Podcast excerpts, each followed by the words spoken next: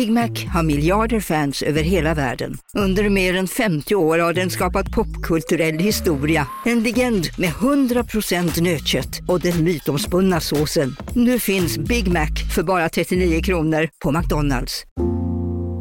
Ska några små tassar flytta in hos dig? Hos Trygg Hansa får din valp eller kattunge 25% rabatt på försäkringen första året. Läs mer och teckna djurförsäkringen på trygghansa.se. Trygg Hansa, trygghet för livet. Hej, Susanne Axel här. När du gör som jag och listar dig på en av Krys vårdcentraler får du en fast läkarkontakt som kan din sjukdomshistoria. Du får träffa erfarna specialister, tillgång till lättakuten och så kan du chatta med vårdpersonalen. Så gör ditt viktigaste val idag, lista dig hos Kry.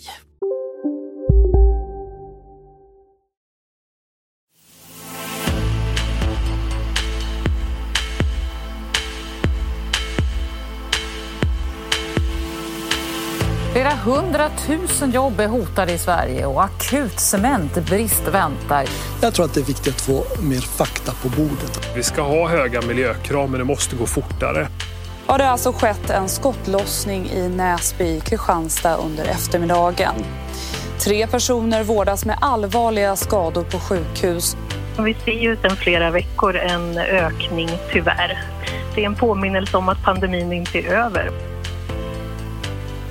Vad händer om 75 procent av all cement och betong faller bort från marknaden om tre månader? Framtiden för Cementa på Gotland och en hotande cementkris har blivit regeringens huvudverk.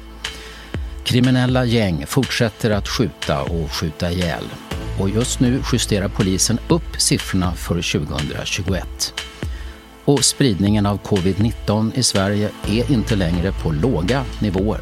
Stockholm rödfärgas. Välkommen till säsongens första veckopanel från Kvartal. Sverige vecka 31 2021. Jag heter Staffan Dopping. Ja, jag vet att väntan har varit lång för riktiga veckopanel-junkies, men vi behövde den här semestern kan jag lova. Hur som helst är vi här igen och ska summera den gångna veckan under en timmes tid ungefär. Och vi introducerar debutanten Johan Lönnroth, nationalekonom från Göteborg, under många år riksdagsledamot för Vänsterpartiet och också vice partiordförande i ett antal år. Välkommen till veckopanelen Johan Lönnroth. Ja. Du är väl pensionär idag, men jag har intrycket att du inte är sysslolös ändå? Nej, jag är mera politiskt aktiv än på mycket länge. Och sysslar med en del andra saker också. Som till exempel? Ja, jag har faktiskt kommit med en liten roman som ja. väl inte är så märkvärdig. Men eh, så jag ägnar mig även åt sånt. Sen spelar jag amatörteater. Jag har spelat Hamlet i en... Vi har en pensionärsteater på Allégården i Göteborg. Där Jaha, vi roar oss med det. Ja. Att vara med i veckopanelen eller inte vara med i veckopanelen? Det är frågan. Jag sa till dig från början att det här med att diskutera aktuella ämnen är inte riktigt min grej. Jag är mer intresserad av ideologi och politisk ekonomi på lång sikt och sånt. Men eh, visst, jag ska göra mitt bästa. Bra. De andra två panelisterna har varit med förr. Thomas Mattsson, ordförande för Utgivarna, tillförordnad VD för Tidningsutgivarna, senior rådgivare på Bonnier News. Hej på dig! Hej, hej! Och Ann Heberlein, författare och teologie doktor i etik och tjänsteman vid Skånemoderaterna. Välkommen tillbaka Ann. Tack så mycket. Vi börjar med en miljö- och industrifråga som enligt vissa röster kan hota hundratusentals svenska jobb. Och den minister som just nu har fått frågan i sitt knä är näringsminister Ibrahim Baylan.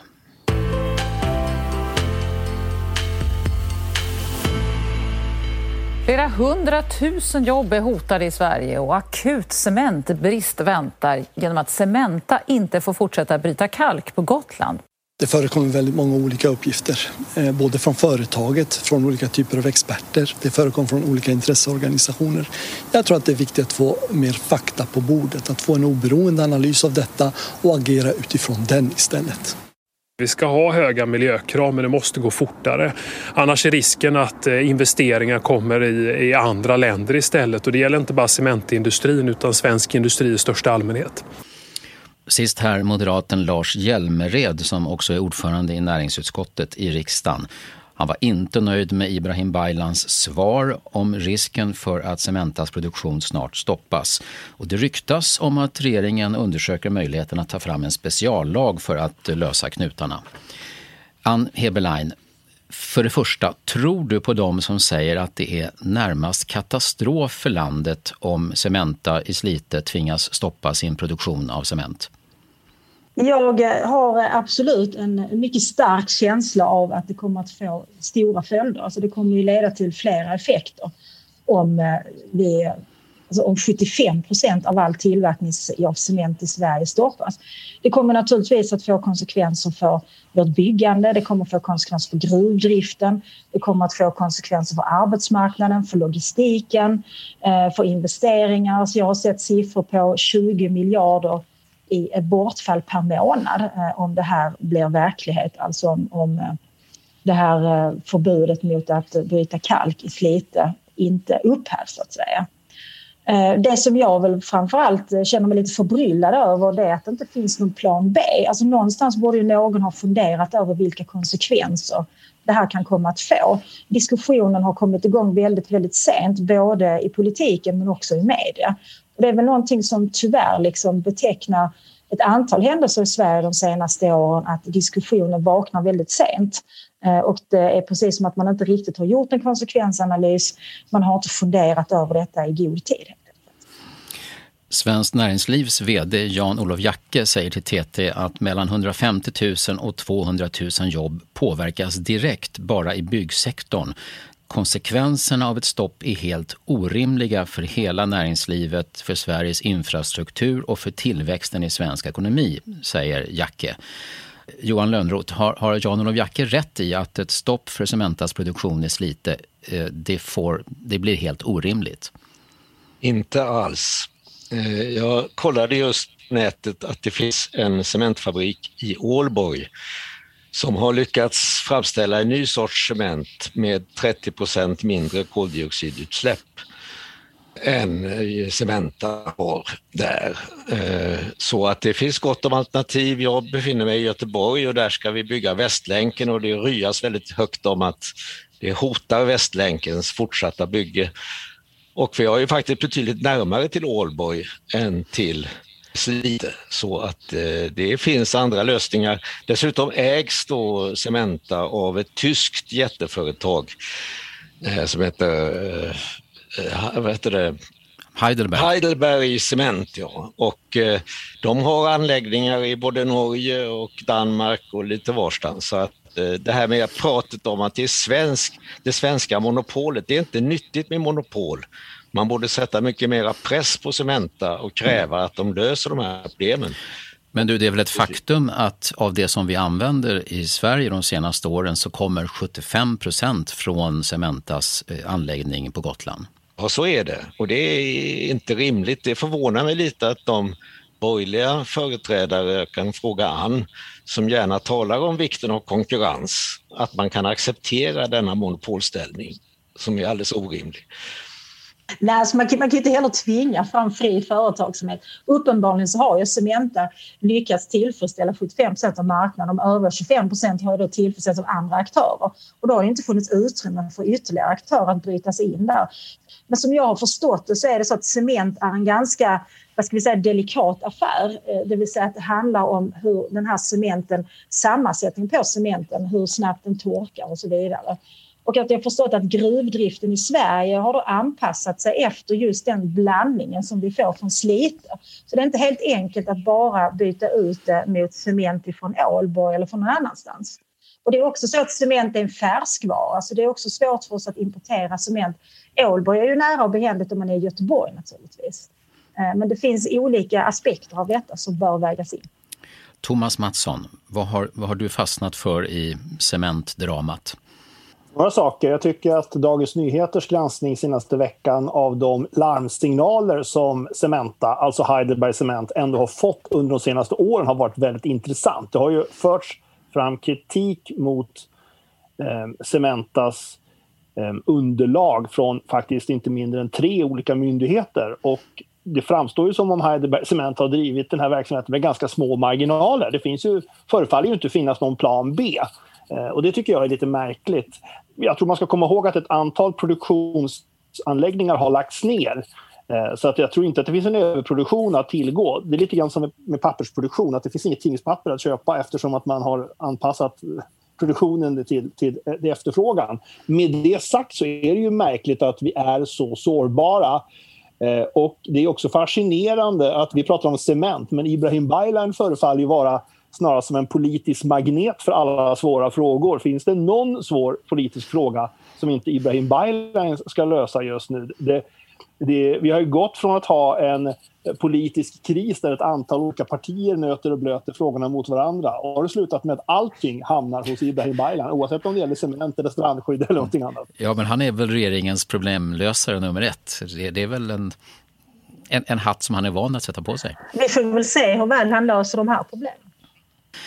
Det tar flera år från att ett företag som Cementa lägger in en ansökan om att få driva sin verksamhet vidare tills besked kommer från den som beslutar. Och så kan det sen överklagas till högre instans och det har gjorts i det här fallet också. Och Cementa har sen överklagat till Högsta domstolen för övrigt. Moderaten Lars Hjälmered han säger att sådana här processer måste gå mycket snabbare. Annars försvinner industriinvesteringarna från Sverige, eh, tror han. Men nu kom ju det här beslutet från Mark och miljööverdomstolen bara alltså mitt i sommaren nu här, några månader innan det gamla löper ut. Varför blir det på det här viset? Vad tror Johan Lönnroth?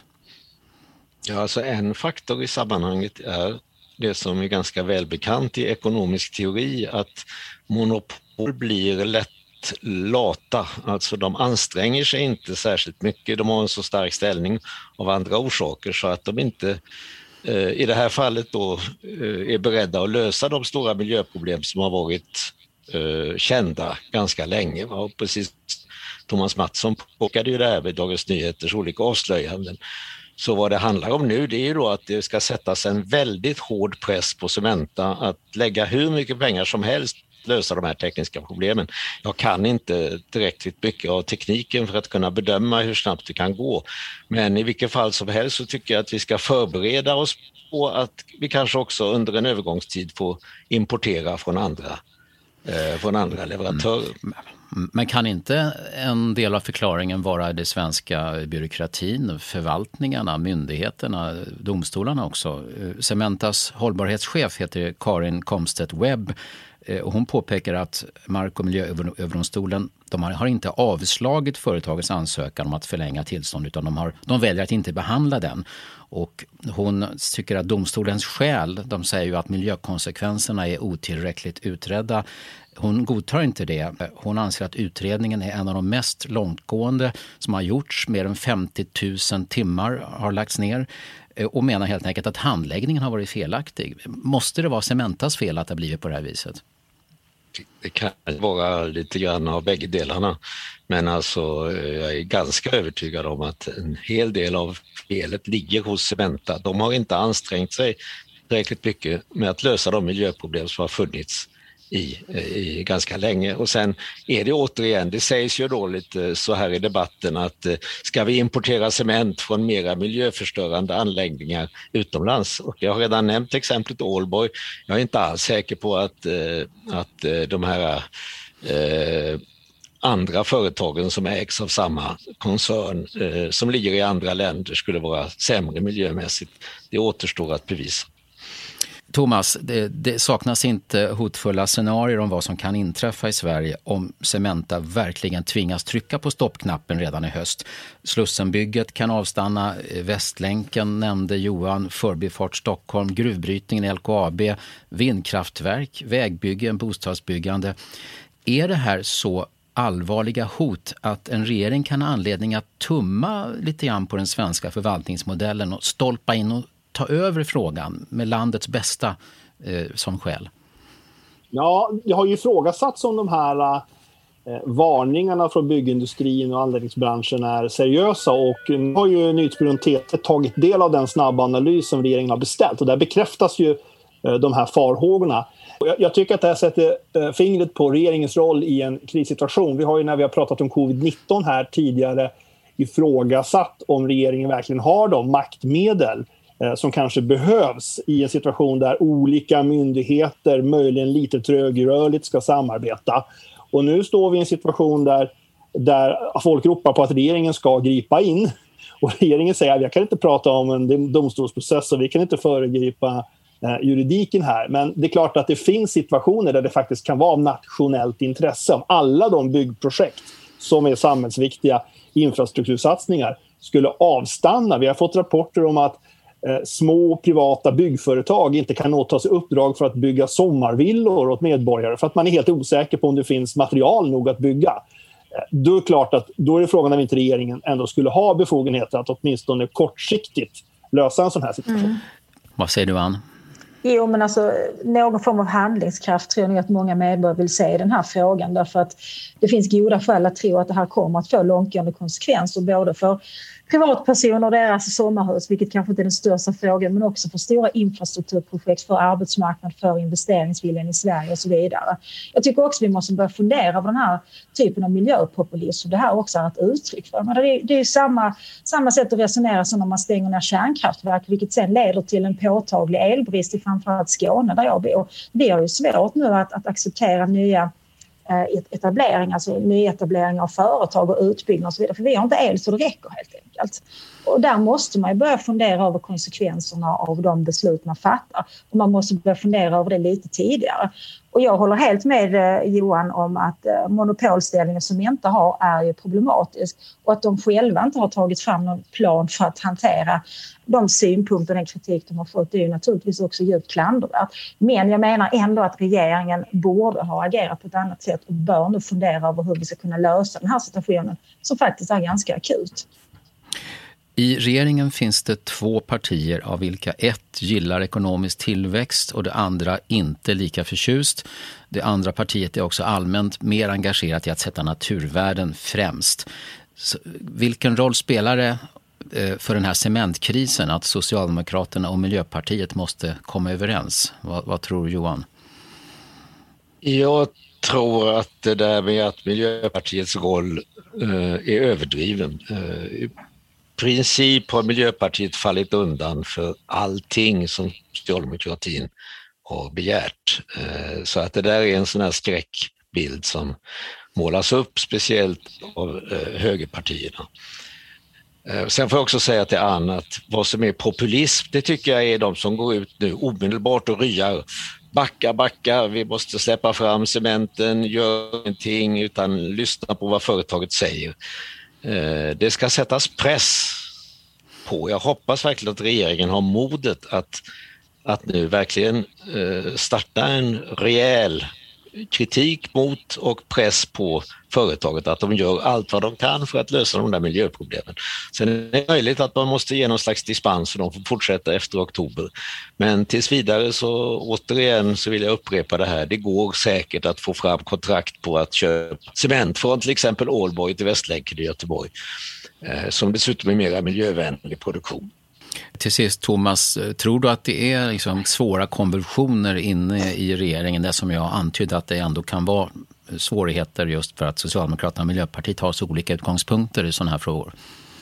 Jag tror ju att socialdemokratin har ju ändå historiskt sett stått näringslivet nära och på olika sätt med olika börslistor och skattesatser trixat och krånglat och sett till att både kapital och företags huvudkontor finns kvar i Sverige.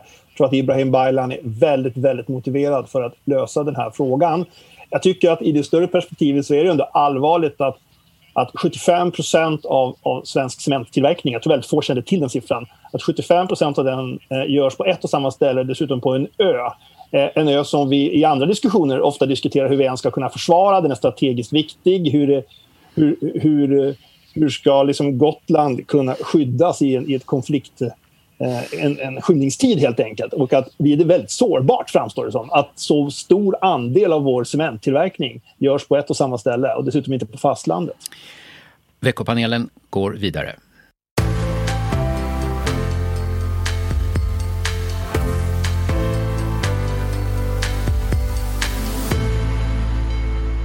Det var igår, mitt på dagen, som skottlossning utbröt på ett torg i Gamlegården i Kristianstad. Men det är en allvarlig utveckling vi har sett på senare år. När polisen har burat in väldigt många av ledarskapet i de kriminella gängen då ser vi också att de utnyttjar i större utsträckning unga människor i sin kriminella verksamhet. Också för mord eller skjutningar. Bara titta på till exempel Danmark som har lyckats med det som den svenska regeringen har misslyckats med. Men det kommer att kräva betydligt tuffare tag och en betydligt större politisk handlingskraft om vi ska kunna få ordning på det här. Två allvarliga skjutningar har skett den här veckan. Två på tre dagar. I tisdags på torget vid Gamlegården centrum i Kristianstad, som Aktuellt berättade om här, och ytterligare en skottlossning i torsdags kväll i Berga i Linköping. För bara en månad sedan rapporterade flera medier om att skjutningarna i Sverige hade gått ner under första halvåret. Men nu i veckan blev det uppenbart att de fortsätter att ligga på en hög nivå och att det är lika många döda under årets första sju månader som samma tid förra året. I fredagsintervjun special den här veckan samtalar Jörgen Wittfeldt med Göteborgspolisens Erik Nord, åklagaren Lisa dos Santos och kriminalreporten Lasse Virup om gängkriminalitet och vapenvåld. Och Jörgen och Lisa dos Santos resonerade kort om den tendens till avtrubbning som kan skönjas apropå en fråga i SVTs Morgonstudion till en kriminolog. Okej, vi får lämna Manne Garell, docent i kriminologi som alltså berättade om hur eh, man kan tänka, eller han hann aldrig svara på den frågan, hur man kan tänka om man skulle, man är rädd för att hamna i en situation där man hamnar i skottlinjen så att säga under en skjutning. Vi går till väder istället på något sätt tyckte jag då när jag hörde det här att det visar liksom hur det här har blivit en, en absurd del av vår vardag. Så strax innan vädret så ställs en fråga till en kriminolog. Hur ska man agera som vanlig människa om man hamnar i skottlinjen? Alltså, apropå avtrubbning, Lisa, är det det här du menar? Ja, men lite så. Jag vet inte, ska vi lära folk att springa i zigzag då när man ska hämta ut sitt paket på Postnord? Ja, mer av Lisa dos Santos kan alltså höra i fredagsintervjun special om gängvåldet i Sverige. Inrikesminister Mikael Damberg som vi hörde nyss, han får ideligen kommentera nya våldsdåd och han upprepar ofta hur straffen för mord har skärpts, att antalet poliser är på väg upp, att polisen får nya och skarpare verktyg och så vidare. Men skjutningarna går inte ner som sagt och eh, de som skjuter riskerar ofta att skada eller döda människor som är helt utomstående. Eh, vilket verkar vara eh, lite nytt senaste året. Panelen, varför går det inte ner trots alla åtgärder, lagändringar och nya polisanställda? Thomas Mattsson, vad är din förklaring? Nu vill du göra övergången från betongsossar till batongsossar, låter det som. Men jag, jag tänker så här att det har framkommit i olika eh, sammanhang de senaste veckorna att en del av den statistik som har presenterats har varit, om inte förskönad, så åtminstone uppdaterad. Att det har under året varit fler skjutningar än vad man har rapporterat tidigare. Man har efterregistrerat detta i polisens eh, statistik. Så jag, det är väl så med siffror att man får vara lite försiktig med vad man definierar som en skjutning och när man kan fastställa att det var det och kanske inte något annat. Men jag tror att det är så här att eh, vi går ganska så snabbt mot en situation där det kommer finnas en bred jag, politisk uppslutning, om inte annat bred uppslutning i valmanskåren för väldigt mycket mer drastiska åtgärder än de vi har sett hittills. Trots alla eh, politikers Ehm, löften om mer pengar till polisen så har vi bara senaste veckorna sett att det råder övertidsstopp på utredningsavdelningar, det råder anställningsstopp inom delar av polisen Eh, på grund av kostnader eh, som har dragit iväg för gränsövervakning som inte var budgeterade. Eh, vi har tagit del av Eh, straffskärpningar som i själva verket har visat sig inte vara någon straffskärpning givet domstolsprövningarna. Det har bland annat Sveriges Radio kunnat påvisa. Och hela tiden så möts vi av, av nya rapporter om skjutningar. Häromdagen så läste jag en morgontidning där det på sidan 10 låg två olika artiklar om två skjutningar apropå den här normaliseringen. Jag tror att vi kommer ganska snabbt få, få gehör för väldigt mycket mer drastiska politiska förslag. De förslag som har presenterats, som är väldigt viktiga och långsiktiga, de har ju ingen som helst påverkan på det som sker här och nu. För att det ska kunna stoppas skjutningar här och nu, då måste naturligtvis de som skjuter inkapaciteras. Och då krävs det vistelseförbud, då krävs det fotbojor, då krävs det eh, möjligheter att häkta eh, längre än vad som är fallet nu och så. Johan Lönnroth, hade du väntat dig att eh, fler poliser, hårdare straff, fler övervakningskameror och nya skarpare polisverktyg skulle ha börjat trycka ner skjutnings och dödstalen i år? Nej. Eh, jag eh, tvekar nästan lite grann att delta överhuvudtaget i den här debatten för den typ av åsikter som jag företräder har ju blivit väldigt ute för att uttrycka sig milt. Jag anser att frågan är oerhört komplicerad. Det finns ett samband som har belagts väldigt tydligt av två författare som heter Wilkinson och Pickett som har skrivit en bok som heter Jämlikhetsanden. Och där visar de att det finns ett oerhört entydigt samband mellan kriminalitet och klassamhälle. Alltså där det är stora inkomstskillnader eh, så är det hög kriminalitet. Det gäller över hela världen. Det är en grundförklaring men det finns naturligtvis en massa andra förklaringar också. Men framförallt skulle jag vilja önska mig att den här äh, debatten där regeringen lägger förslag efter förslag och så dyker eh, dina partikamrater an upp varenda rapport och säger mera, mera, det är för lite och det hjälper inte och vi ska ha hårdare straff och vi ska ha oss vid det ena och det andra. Det tycker jag är en väldigt sorglig eh, debatt att det inte är alltså, möjligt att... Stopp och belägg jag måste, jag måste bara göra ett litet inlägg här. Jag är alltså inte folkvald. Jag fattar inga politiska beslut. Okay. Jag är tjänsteman. Eh, jag tänker inte sitta här att beskylla okay. dig för allting som det parti du är medlem i har fattat beslut om under åren som har gått, vilket har varit många idiotiska beslut. Det får du gärna jag kommer inte dra upp det. Jag tycker inte att det är så man för en debatt. Du får gärna bemöta mina argument. Jag tänker inte försvara vad mina partikamrater okay. har sagt. Det är inte min roll. Så var snäll och lägg av det. Jag har också läst Wilkinson och Piketty naturligtvis. Och som du säger så kan man se detta, men det bevisar inte att socioekonomiska faktorer spelar någon roll. Det finns en hel del som tyder på att det inte gör det. Jag tror att människan har en möjlighet att välja. Jag tror inte att någon tvingas in i kriminalitet på grund av fattigdom eller en risig uppväxt. Det finns många robusta fakta som visar på att människor som växer upp under usla förhållanden kan bli mycket bra och laglydiga personer. Vi har i Sverige arbetat enligt den modell som du företräder i många, många decennier. Vi har satsat mycket på utanförskapsområden. Vi har pumpat in pengar i skolor i utanförskapsområden. Och vad har det gett oss? Mer kriminalitet. Nu måste vi pröva något annat. Sänk straffmyndighetsåldern, utveckla ungdomsvården, plocka bort de här unga männen från sina bostadsområden, sätt dem någon annanstans, slå sönder gängkriminaliteten. Det vi ser idag, jag bor i Malmö. Här har vi haft ett projekt som heter Sluta skjut som har visat sig framgångsrikt. Sen detta projektet initierades, alltså mellan januari 2017 och februari 2020 så har skjutningarna minskat med 37 procent i Malmö. Tyvärr har de samtidigt ökat på andra närliggande orter. Till exempel så såg vi häromdagen, vilket chockade väldigt många människor här nere i Skåne, fruktansvärda skottlossningar i Kristianstad på ett köpcenter. Alltså om man är från Skåne så är det liksom ofattbart att en sån sak händer i Kristianstad. Det är helt enkelt för att i Malmö är polisen nu så framgångsrik i att faktiskt punktmarkera de här individerna. Det finns ett samarbete mellan olika myndigheter etc. Så kriminaliteten flyttas. På samma sätt som jag såg på 80-talet när jag bodde nere vid Möllevångstorget hur gatuprostitutionen flyttades från Industrigatan till andra gator. Det vill säga problemen löses inte, de flyttas bara hela tiden. Så vi måste komma till roten med problemet.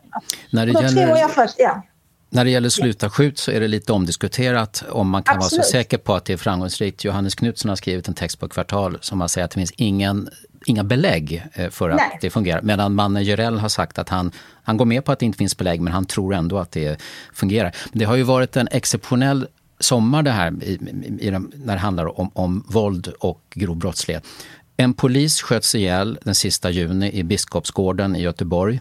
Andreas Danman heter han och eh, han begravdes häromdagen under högtidliga former i Vasakyrkan. I Flemingsberg i Huddinge söder om Stockholm skottskadades två små barn i mitten av juli.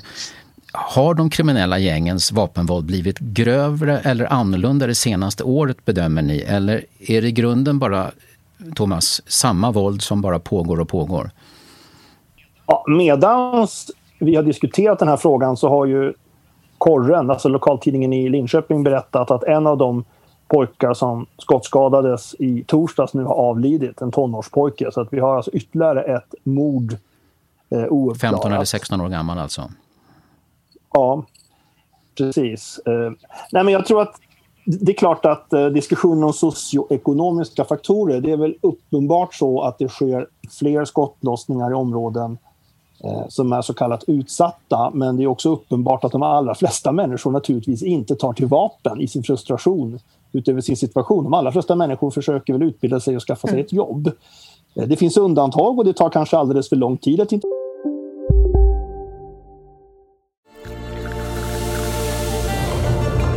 Välkommen till Maccafé på utvalda McDonalds restauranger med Baristakaffe till rimligt pris. Vad sägs om en latte eller cappuccino för bara 35 kronor? Alltid gjorda av våra utbildade baristor.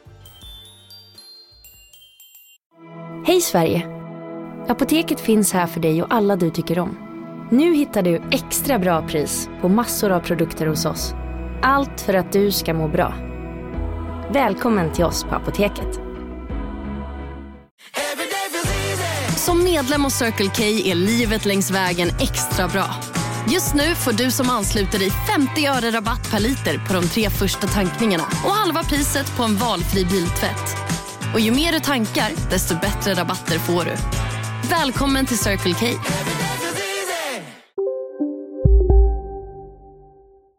i det svenska samhället.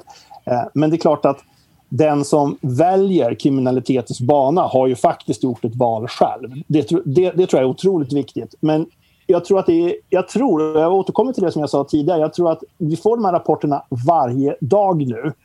Eh, och jag tror att frustrationen hos medborgarna växer sig väldigt, väldigt snabbt. Det i kombination med att vi går in i en intensiv valrörelse snart tror jag kommer leda till att vi kommer att se väldigt mycket mer drastiska åtgärder än vad som hade varit tänkbart för några år sedan. Och då finns det ju en del som är omdiskuterat, men det finns ju saker som vi vet fungerar, till exempel kameraövervakning. Sätter man upp kameror på platser där det begår brott så begås det färre brott. Och då säger kritikerna att man kanske flyttar den brottsligheten. Ja, men då har ju polisen kanske flyttat bort pågående narkotikaförsäljning eller eller våldsutövning från gator och torg där hederliga människor ska passera på väg till tunnelbanan, eller skolan eller busshållplatsen. Eh, och det tror jag väldigt många eh, medborgare uppfattar som trygghetsskapande. Eh, det är ju obegripligt till exempel att inte vi har kameraövervakning Eh, på de platser och områden där det sker så mycket brott att man enkelt kan följa hur till exempel flyktbilar och flyktfordon eh, färdas. Att man kan eh, med självklarhet bli dokumenterad om man tankar en bil eller om man går till en bankomat. Eh, då tas det bilder, alltid, och har gjort länge och det är också helt okontroversiellt. Mitt registreringsnummer finns sparat och min porträttbild finns tagen från bankomaten om jag skulle ha gjort ett bedrägeri. Men jag kan skjuta människor på gator utan att det finns tillräckligt med kameror för att polisen ska kunna klara upp alla de här brotten. Eh, det tycker jag är väldigt konstigt och då tycker jag inte att man ska så att vulgärresonera och anföra de exempel, skräckexempel som finns i Kina som motargument. Utan det finns stabila demokratier som till exempel Storbritannien där man har fått ner brottsligheten markant på gator genom att till exempel använda kameraövervakning. Och det finns väldigt många andra insatser man kan göra också. Till exempel vistelsezoner, vistelseförbud, visitationszoner, fotbojor, eh, etc, etc. Eh, det har ju sagts att ett antal tidigare gängledare nu är häktade eller sitter och avtjänar långa straff. Men det har ju av allt att döma inte lett till att våldsnivån har gått ner. Eh, istället så öppnas fönster för unga kriminella som vill stiga i graderna när ledaren är borta. Både poliser och kriminologer har beskrivit en del av de här senaste halvårets skjutningar som effekter av det vakuum som uppstår när högt uppsatta personer är frihetsberövade. Eh, och I fredagsintervjun special, som jag verkligen rekommenderar, säger kriminaljournalisten Lasse Wierup att den svenska lagstiftningen bygger på gamla problembilder av de mest brottsaktiva. Fokus har då varit på att hjälpa individen som har hamnat i kriminalitet, inte på att skydda samhället. Precis där vi står, att vi har gamla problembilder som styr lagstiftningen och um, tillämpningen av lagstiftningen. Och absolut, multisystematisk terapi funkar. Ehm, Säkert för, för en hel del, men inte för de här som är mest brottsaktiva och mest, mest motiverade, verkligen vill bli gangsters. Mm, de känner sig inte som misslyckade, utan de är mitt uppe i en fantastisk karriär. Ja, precis. Och, och en, en viktig eh, sak som har hänt är att de har blivit så många i sina områden så att de har på något sätt kunnat sätta normen Tre, fyra stycken betraktas fortfarande som, som losers och de kan inte eh, tillsammans liksom skapa det här våldskapitalet. Men är de, är de 15-20 stycken, då börjar någonting hända. Eh, och är de 25-30 eh, och, och liksom börjar få den här magnetiska dragningskraften i områdena, eh, det är då eh, som, som de på något sätt vänder det här utanförskapet till eh, någonting vinnande och, och vinnande i andra ungas ögon. Journalisten Lasse Wierup från veckans fredagsintervjun special. Om regeringen i våras ropade hej lite för tidigt om hur bra brottsbekämpningen hade gått i början av året så kan man ju ändå fundera på vilken sorts åtgärder i samhället som verkligen kan stoppa nyrekryteringen till de kriminella nätverken. Ann Heberlein, vad måste göras? Jag tror att vi måste börja, vi måste se när människor är i farozonen mycket, mycket tidigare. Och redan vid en tidig ålder så måste ett felaktigt beteende få konsekvenser. Därför det är ju som Thomas sa att vi ser ju att det är mer kriminalitet och mer skjutningar i våra utanförskapsområden. Och det handlar faktiskt tämligen ofta om ett bristande föräldraskap. Där måste samhället bryta in på ett helt annat sätt än vad man gör idag. Man måste också flytta de här unga pojkarna, för det är i allmänhet pojkar som ägnar sig åt detta, från sina områden. Jag tror också vi kan fundera över sånt som visitationszoner, vi kan fundera över fotbojor. Jag tror fortfarande att vi måste... Alltså, det, det som sades här av Lasse Wierup är helt riktigt. Alltså, vi måste också byta perspektiv i hela den här debatten. Därför den svenska debatten har i decennier handlat om att det är synd om förövaren och att vi måste intressera oss för förövaren och förövarens bevekelsegrunder och uppväxt och kontext och erfarenheter. Jag är trött på det nu. Nu handlar det om att skydda oss som är potentiella offer och det är vi faktiskt allihopa.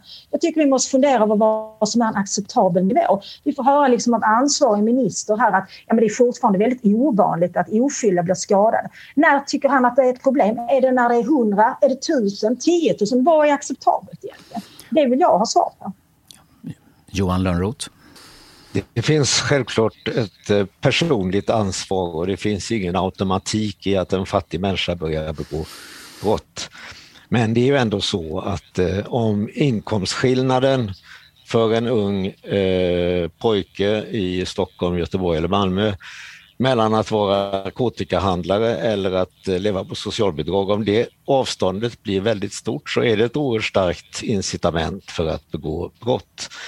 Och jag kommer att tänka på att jag läste Ola Larsbos intressanta bok Swede Hollow, jag vet inte om ni har hört talas om den, som visar då vad som hände med, med svenskarna och skandinaverna när de kom till USA och hamnade i ungefär samma typ av situation som i våra så kallade utanförskapsområden. Där var också kriminaliteten väldigt hög. Så är det med eh, asylströmmar där man hamnar i någon slags fattigdom. Så att jag envisas med att det är ändå de viktiga åtgärderna handlar om det sociala och jag vill säga när det gäller skolorna Ann, att det här eh, privatiseringen av skolsystemet har bidragit väldigt starkt till segregationen och eh, den politik som har bedrivits som har ökat klassklyftorna i Sverige är en av de många viktiga förklaringarna till ökad kriminalitet. Thomas? Jag tänker att det finns ju länder som har tagit emot större asylströmmar än Sverige som inte har den här problematiken. Och vi har nog, som Ann Heberlein säger, eh, en väldigt förlåtande, för att inte säga ibland naiv inställning till personer som utgör ett hot mot oss andra. Eh, om man till exempel är eh, misstänkt för terrorism eller för att bedriva extremistisk propaganda i Sverige och därför inte har rätt att vistas här. Om man då inte kan utvisas från landet, ja, då får man röra sig fritt i Sverige med en anmälningsplikt. Det är ett väldigt generöst erbjudande måste man säga till en person som utgör ett hot mot rikets säkerhet. Personer som har begått grova brott som ska utvisas men som av olika skäl inte kan skickas till sina hemländer eh, får också röra sig fritt på gatorna eftersom att vi inte vill inkapacitera dem efter ett tag. Och det är klart att med det signalspråket så ställer man sig lite frågande till hur vi ska kunna hantera den här väldigt grova brottsligheten som nu riktar sig både mot allmänhet och, och mot polis.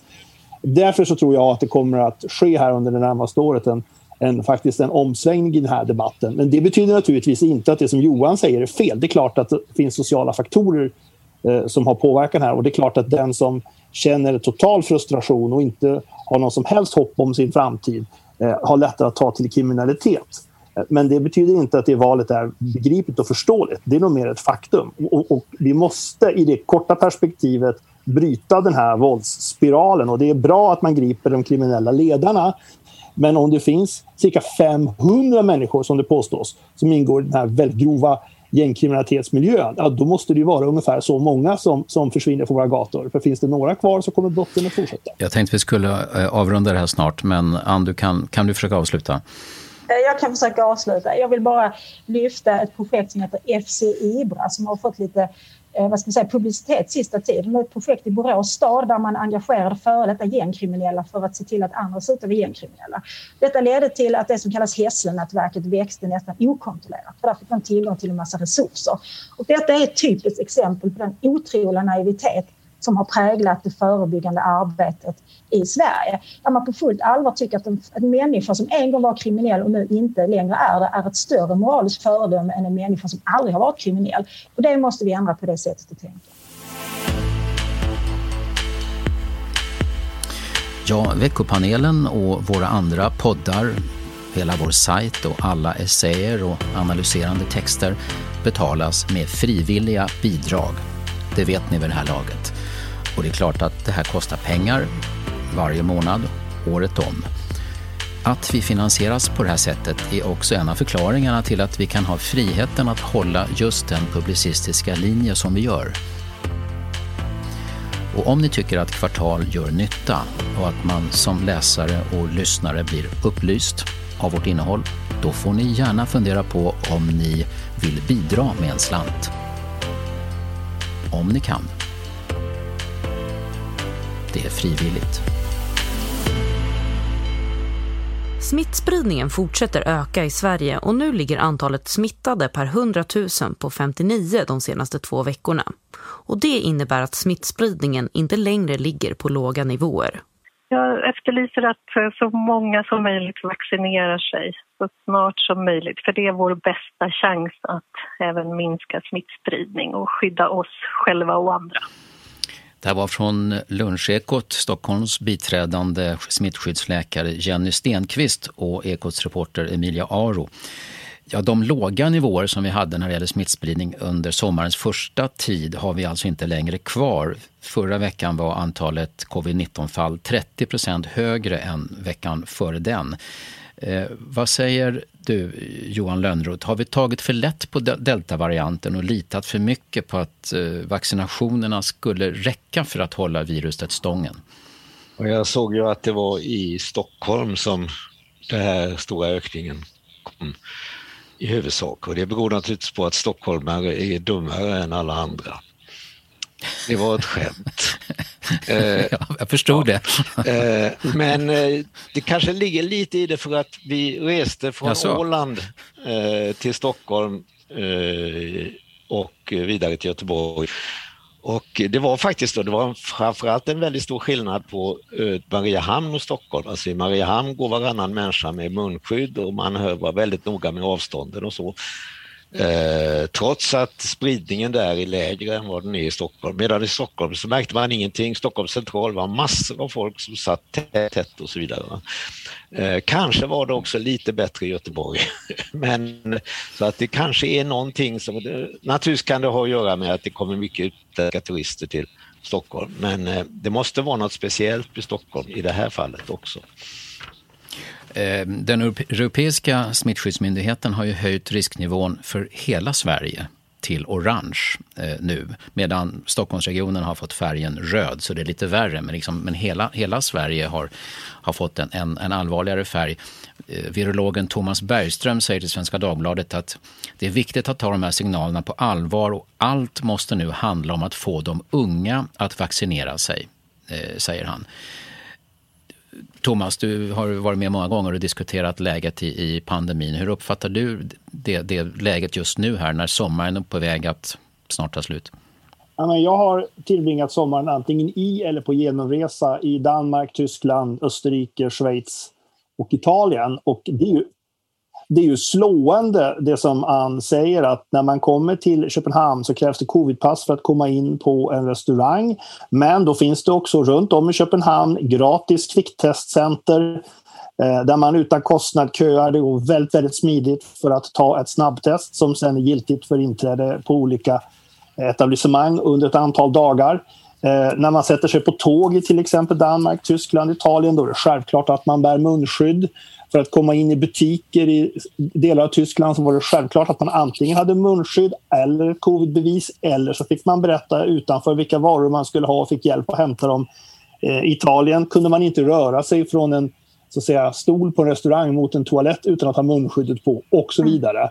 Eh, och jag ska inte ge mig in i munskyddsdebatten men det är alldeles uppenbart att de åtgärder som myndigheter har vidtagit som åtminstone synligt påverkar mig när jag rör mig där är betydligt mer så här, ingripande eh, eller ska vi säga proaktiva än de som jag möter här i Sverige.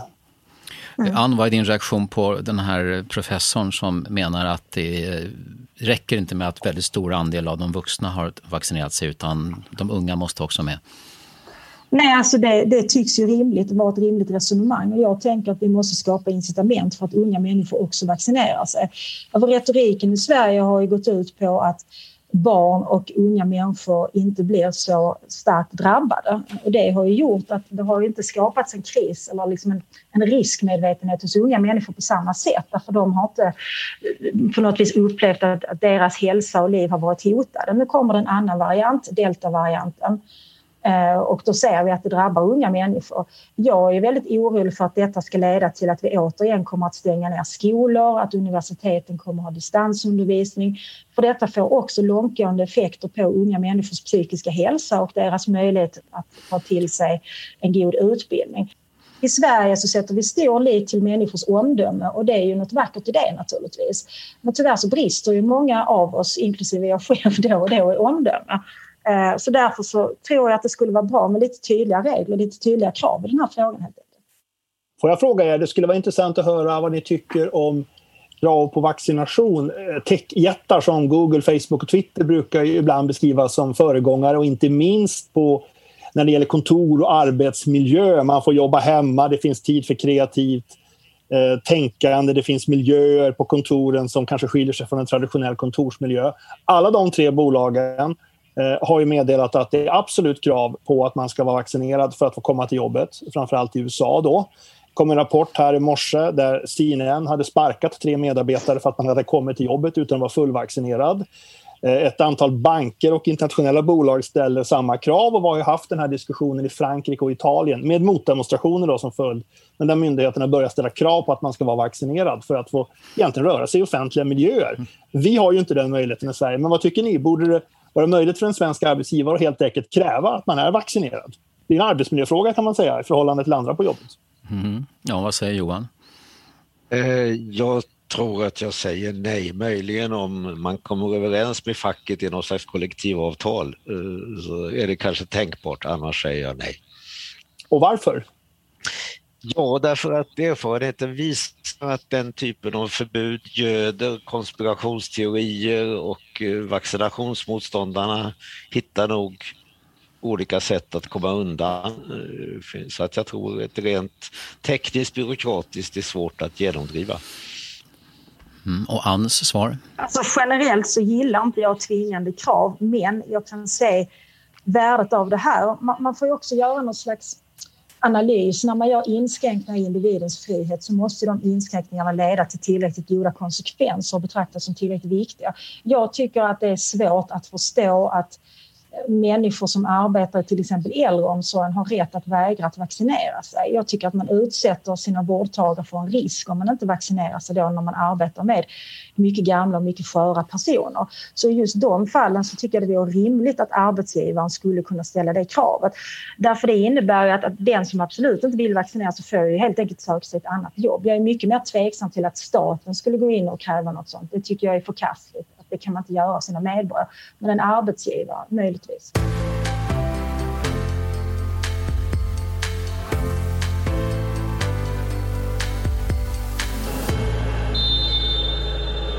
Julia Grosso mot Hedvig Lindahl. Grosso! Oh, det Och det är kanadensiskt OS-guld och Sverige förlorar finalen efter straffsparksledning och missar tre raka straffar och Hedvig Lindahl lyckas inte ta den sista och det är nytt svenskt silver för andra OS i rad. Ja, det blev en rafflande fotbollsfinal i Yokohama i Japan och det flyttades ju från mitt i natten till fredag eftermiddag så massor med svenskar kunde se den här eh, i, istället för att vara ute i solen. Eh, men hur var matchen och vad ska man säga om resultatet, Thomas Mattsson? Ja, till och med inspelningen av Kvartals veckopanel flyttades fram. Då förstår man digniteten. Nej, det är väldigt, väldigt, väldigt bittert. Sverige har ju då vunnit varje match eh, före finalen. Spelat eh, fantastiskt. Eh, och hade ju möjlighet att för första gången sedan 1984 när damerna vann EM ta ett mästerskapsguld. Innan dess får vi gå tillbaka till 1948 när herrarna vann OS. Eh, och jag tror väldigt, väldigt många människor tycker att det här landslaget har värre det här guldet. Väldigt många utländska kommentatorer har ju konstaterat att Sverige har varit det bästa laget i turneringen. Men det är klart, spelar man en final och missar två av sex straffar, då vinner man inte. Så är det väl förmodligen. Eh, Johan och Ann, följde ni det här? Var det här någonting som var stort för er? Både Johan och jag kopplade upp oss i god tid här till kvartals, kvartals veckopanel och kunde diskutera lite innan. Vilket betyder på att vi inte satt framför fotbollsmatchen. Men Eh, Eh, eftersom övriga deltagare gärna ville se den så, så tittade jag också. Då får jag väl erkänna att det var ju spännande med de här straffsparkarna. Jag blev ju besviken naturligtvis att vi inte vann. Men jag menar, ett silver är väl inte för skam? Då får man väl ändå gratulera eh, vårt eh, landslag idag. Mm, och Johan? Eh, jag hörde bara lite grann om slutet på radion och eftersom jag är principiell antinationalist så försöker jag intala mig själv att inte vara besviken, att jag skiter i vem som vinner. Men det är klart att jag är besviken också jag. Men, men jag hoppas att vi ska slippa de här hysteriska nationalistiska utbrotten som äger rum ständigt och jämt. Eftersom att du också är antikapitalist Johan, eh, så har jag en annan dålig nyhet som egentligen är ganska bra tycker jag. För att, när Sverige vann 1984, då kom våra spelare från lag som Öxabäck och Jitex. Eh, och nu idag i, i finalstraffläggningen så kom de allra flesta spelare från Rosengård. Men i den svenska truppen finns också spelare från klubbar som Juventus, Real Madrid, Barcelona, Paris Saint-Germain. Det här är liksom ett tecken på att det vi kallar för damfotboll verkligen har röner stort intresse och att det kommer in pengar i damidrotten och att de här duktiga tjejerna kan försörja sig och kanske till och med lägga undan en slant, åtminstone några av dem, på ett sätt som man inte kunnat tidigare. Det tycker jag ändå, det är värt att fira, alldeles oavsett att det bara blev silver. Alltså, I likhet med Marx så inser jag att kapitalismen har utfört helt andra underverk än egyptiska pyramider och eh, romerska akvedukter. Kapitalismen är sagolikt duktig på att driva fram produktivkrafterna men den kommer att gå under lika förbannat. Eh, Thomas, har damfotbollens kvalitet och status nu höjts så pass att avståndet till herrfotbollen inte är lika överväldigande som den var i många år? Eh, ja och nej, statusen har höjts men inte nu utan sedan ett antal år tillbaka. De eh, Eh, elitspelare och de tjejer som spelar fotboll idag eh, håller väldigt hög kvalitet och det är fotboll på den yppersta nivån. Eh, och det, och så, det har ju damfotbollen kritiserats för om vi tar ett antal decennier tillbaka i tiden. Eh, men vi ser det här tv-intresset, alltså att eh, man kan idag titta på klubblagsmatcher i utländska ligor på svensk tv, att alla matcher i den svenska damallsvenskan direktsänds. Eh, att det finns möjligheter för våra duktigaste tjejer att spela som proffs ute i Europa i de stora klubbarna. Att det pumpas in kapital, Johan, i, i damidrotten. Det är liksom uppenbart. Och det, det, det kommer bara leda till att kvaliteten höjs och att allt fler kommer vilja engagera sig i det. Sen är pengarullningen i herrfotbollen ju absurd. Så det är väl tveksamt om gapet minskar. Finns det, finns det fortfarande folk som rynkar på näsan åt damfotboll? Ja, det gör det. Men det är inte människor som är särskilt tror jag, duktiga på fotboll utan jag tror att alla de som på riktigt är intresserade av fotboll eh, som kan förstå spelet och, och kan taktiken ser vilken hög kvalitet som det här till exempel vårt svenska landslag har haft nu. Eh, nu går vi över till panelisternas fria åkning. Och eh, Johan Lönnroth, det här är din första medverkan i veckopanelen. Nu har du full frihet att utse veckans person, om det är det du har funderat fram eller om det är ett citat eller ett ord från veckan som du vill lyfta fram istället. Ja, jag vill lyfta fram ordet makt som jag inte bara har saknat den här veckan utan det saknar jag nästan jämt man har eh, istället det här mesiga ordet inflytande. Eh, Svenskt näringsliv eh, som ju egentligen är kapitalmaktens företrädare använder istället det här neutrala ordet näringsliv som låter väldigt positivt.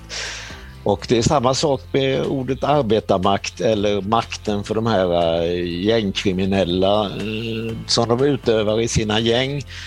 Eller eh, för att ta i det här med damfotbollen så är det naturligtvis också en fråga om den enorma makt som de här kapitalisterna som investerar i fotbollen har. Så att låt oss tala klarspråk och använda ordet makt mera. Mm, tack för det. Ann Heberlein, vad har du tänkt ut från den här veckan? Ja, jag tänkte lyfta namnet Anas Khalifa som var en av portalfigurerna i den svenska salafistiska rörelsen, alltså en extremistisk gren av islamism. Säga. Han eh, berättar, han talar ut, som man brukar säga på eh, Hänt i veckan-språk, i eh, mm. Doku, i en intervju med ja. Sofie Löwenmark. Och jag tycker den är oerhört spännande, den intervjun. För det som är intressant är att han har inte lämnat islam, utan har lämnat islamism. Och det han Eh, så att säga verbaliserar tycker jag är väl värt för många att läsa när han säger att islam handlar i grunden om kärlek och förlåtelse. Medan salafism och de mer extrema yttringarna fokuserar för mycket på vad som är haram.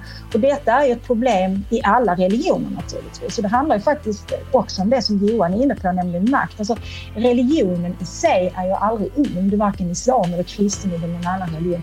Men uttolkarna och den makt man får genom att påstå att man företräder Guds vilja, den måste vi vara uppmärksamma på och diskutera mer. Jag tror vi kommer att prata mer om Kalifa. Vad tror du kan komma ut av att, vad tror du kan komma ut av att Anas Khalifa har, säger att han har lämnat salafismen och vill så att säga, bli, bli en, en, en mera positiv kraft i det svenska samhället? Khalifa har varit en mycket viktig förebild för unga muslimer eh, och jag tror att han kan inspirera andra att tänka mer som han. Jag menar, ärligt talat så verkar det rätt tråkigt också, precis som det är oerhört tråkigt att vara konservativ kristen eh, att vara ortodox på många sätt, alltså att iaktta en massa regler och hela tiden gå omkring och känna sig skuldmedveten och så vidare. Så jag hoppas på att hans eh, avhopp så att säga och hans andra version så att säga av sin religion kan inspirera andra till att ta efter. Tack. Thomas Mattsson, vad blir ditt inspel till veckans person eller ord? Ja, men då säger jag Caroline Seger som hade chansen att skjuta Sverige till OS-seger. 36 år gammal. Hon har spelat i landslaget sedan 1985, varit lagkapten i 11 år. Det finns ingen svensk fotbollsspelare, här eller dam, som har spelat lika många landskamper som Sverige som Caroline Seger. Hon har gjort ett fantastiskt OS, hade kunnat bli historisk. Så kommer hon att känna. Men hon är naturligtvis ändå historisk. Jag tror att det var väldigt, väldigt många som blev väldigt ledsna när hon inte fick chansen att kröna sin karriär med, med att skjuta Sverige till OS-guld från, från straffpunkten.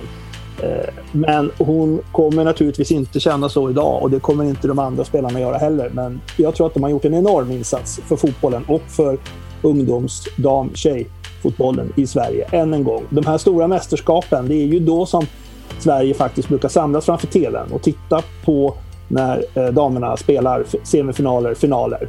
Eh, och jag tror att man måste komma ihåg att ungdomsfotboll är ju den största svenska tjejidrotten. Vi har otroligt många som ägnar sig åt ridsport, men det är ännu fler som spelar fotboll bland våra unga tjejer. Och det är jätte, jätteviktigt att de får förebilder som till exempel Caroline Seger och att man ser att man kan göra karriär, spela landslaget, bli proffs, tjäna pengar. Det är otroligt viktigt tror jag. Så att all heder åt, åt henne och resten av spelarna.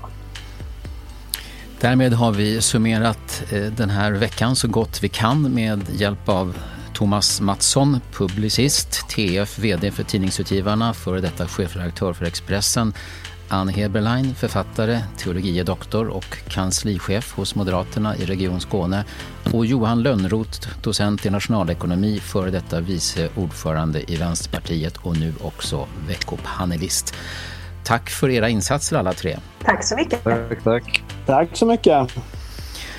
Ja, kvartals sommarlov är alltså slut även om vi inte har kommit med så många nya texter än. Vi höjer tempot lite nästa vecka men fredagsintervjun är alldeles färsk. En specialutgåva alltså med hela tre gäster. Erik Nord, polischef i Storgöteborg, Lisa Dos Santos, åklagare och Lasse Wierup, kriminalreporter på Dagens Nyheter.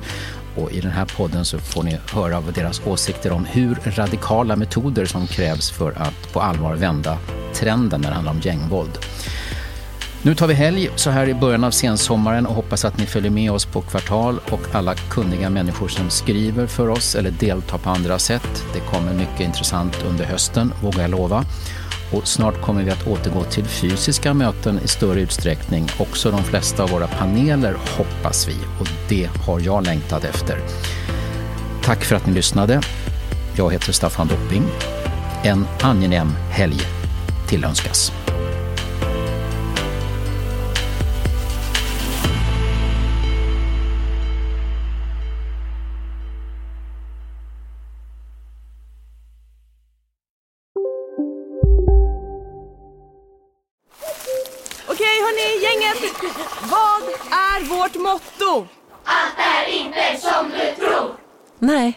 Inte alltid som du tror. Nu täcker vårt nät 99,3 procent av Sveriges befolkning baserat på röstteckning och folkbokföringsadress. Ta reda på mer på 3.se eller i din 3-butik. Hej, Synoptik här. Livet med glasögon ska vara bekymmersfritt. Därför får du 30% på alla glasögon när du väljer Synoptik All Inclusive. All service ingår alltid. Välkommen till Synoptik. Välkommen till Maccafé på utvalda McDonalds restauranger med Baristakaffe till rimligt pris. Vad sägs om en latte eller cappuccino för bara 35 kronor? Alltid gjorda av våra utbildade baristor.